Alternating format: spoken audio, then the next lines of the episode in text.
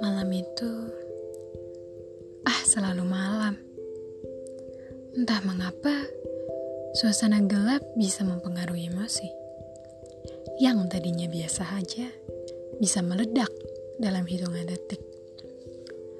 Yang tadinya ingin mengubur saja, bisa justru meneriakannya dengan sekuat tenaga.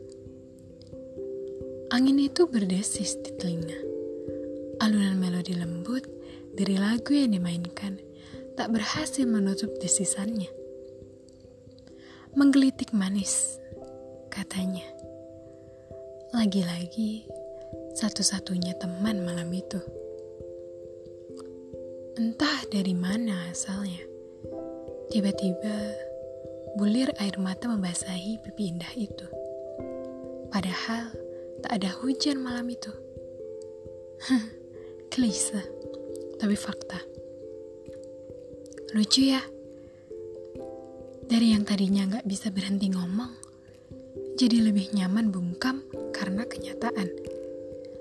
Dari yang tadinya gemar mempertanyakan hal kecil hingga besar, penting hingga tak sama sekali. Jadi lebih nyaman mengunci otaknya dari rasa ingin tahu. Kenyataan bahwa menelan semua sendiri itu jauh lebih baik daripada mengeluarkannya. Lucu banget. Rasanya jadi benci segala hal. Bukan karena mereka salah, tapi ya benci aja gitu.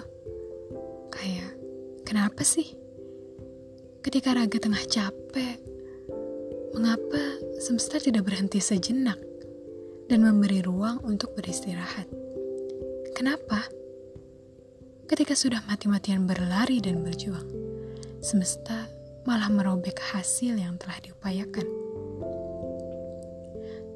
Seolah sebuah lelucon, hal tak terduga terus terjadi.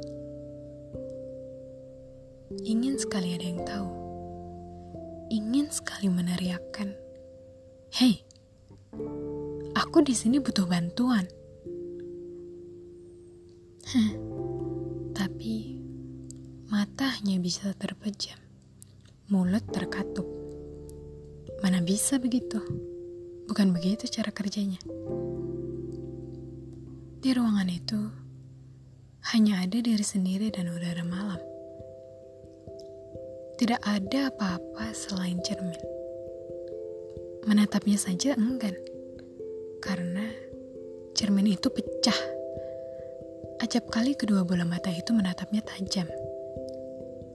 Bahkan, untuk memantulkan bayangan sendiri saja tidak kuat. Lantas, harus apa lagi?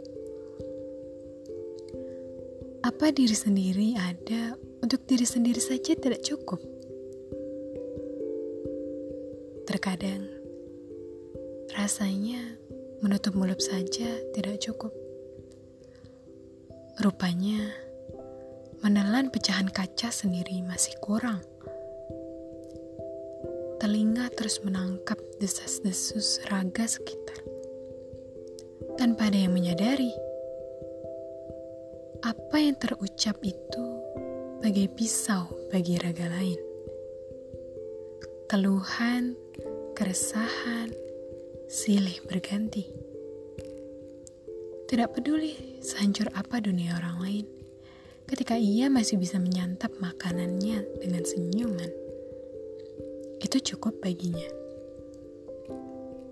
Tanpa ia sadar, tindakannya merobek bumi perlahan.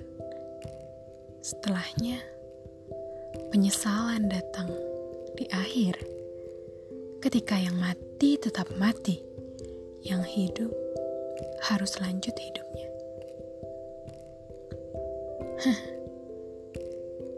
Ingin rasanya langsung mengenyahkan diri sendiri. Ketika mengenyahkan rega lain rupanya masih kurang. Tapi kalau dipikir-pikir, siapa lagi sih yang bisa bertahan sejauh ini selain diri sendiri?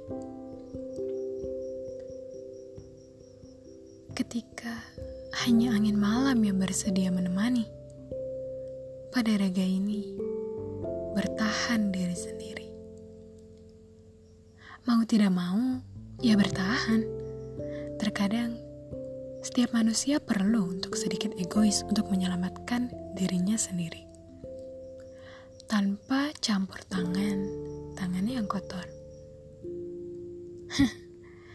Klise, lama-lama bosan dibuatnya. Katakan saja pada dunia, esok, kalau tak kau temukan lagi cahaya yang kau cari pada sorot mataku.